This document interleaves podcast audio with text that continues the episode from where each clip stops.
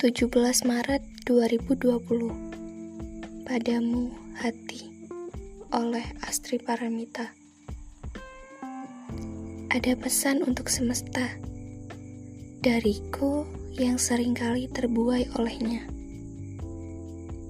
Jangan buat keindahan Jika hanya sejenak dapat kunikmati.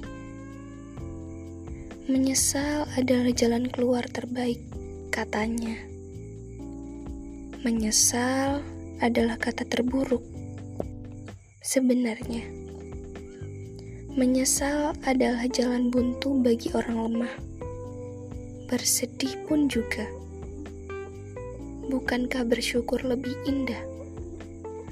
Lebih melegakan peliknya hidup dibanding memendam rapih kesedihan dalam rapuhnya jiwa manusia.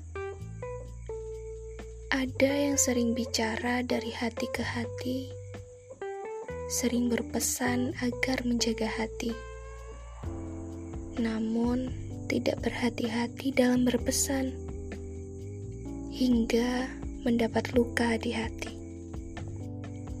Berpikir jika sudah menyangkut hati akan bahagia, namun semesta malah menyakiti hati dengan rayuan-rayuan yang menyayat hati.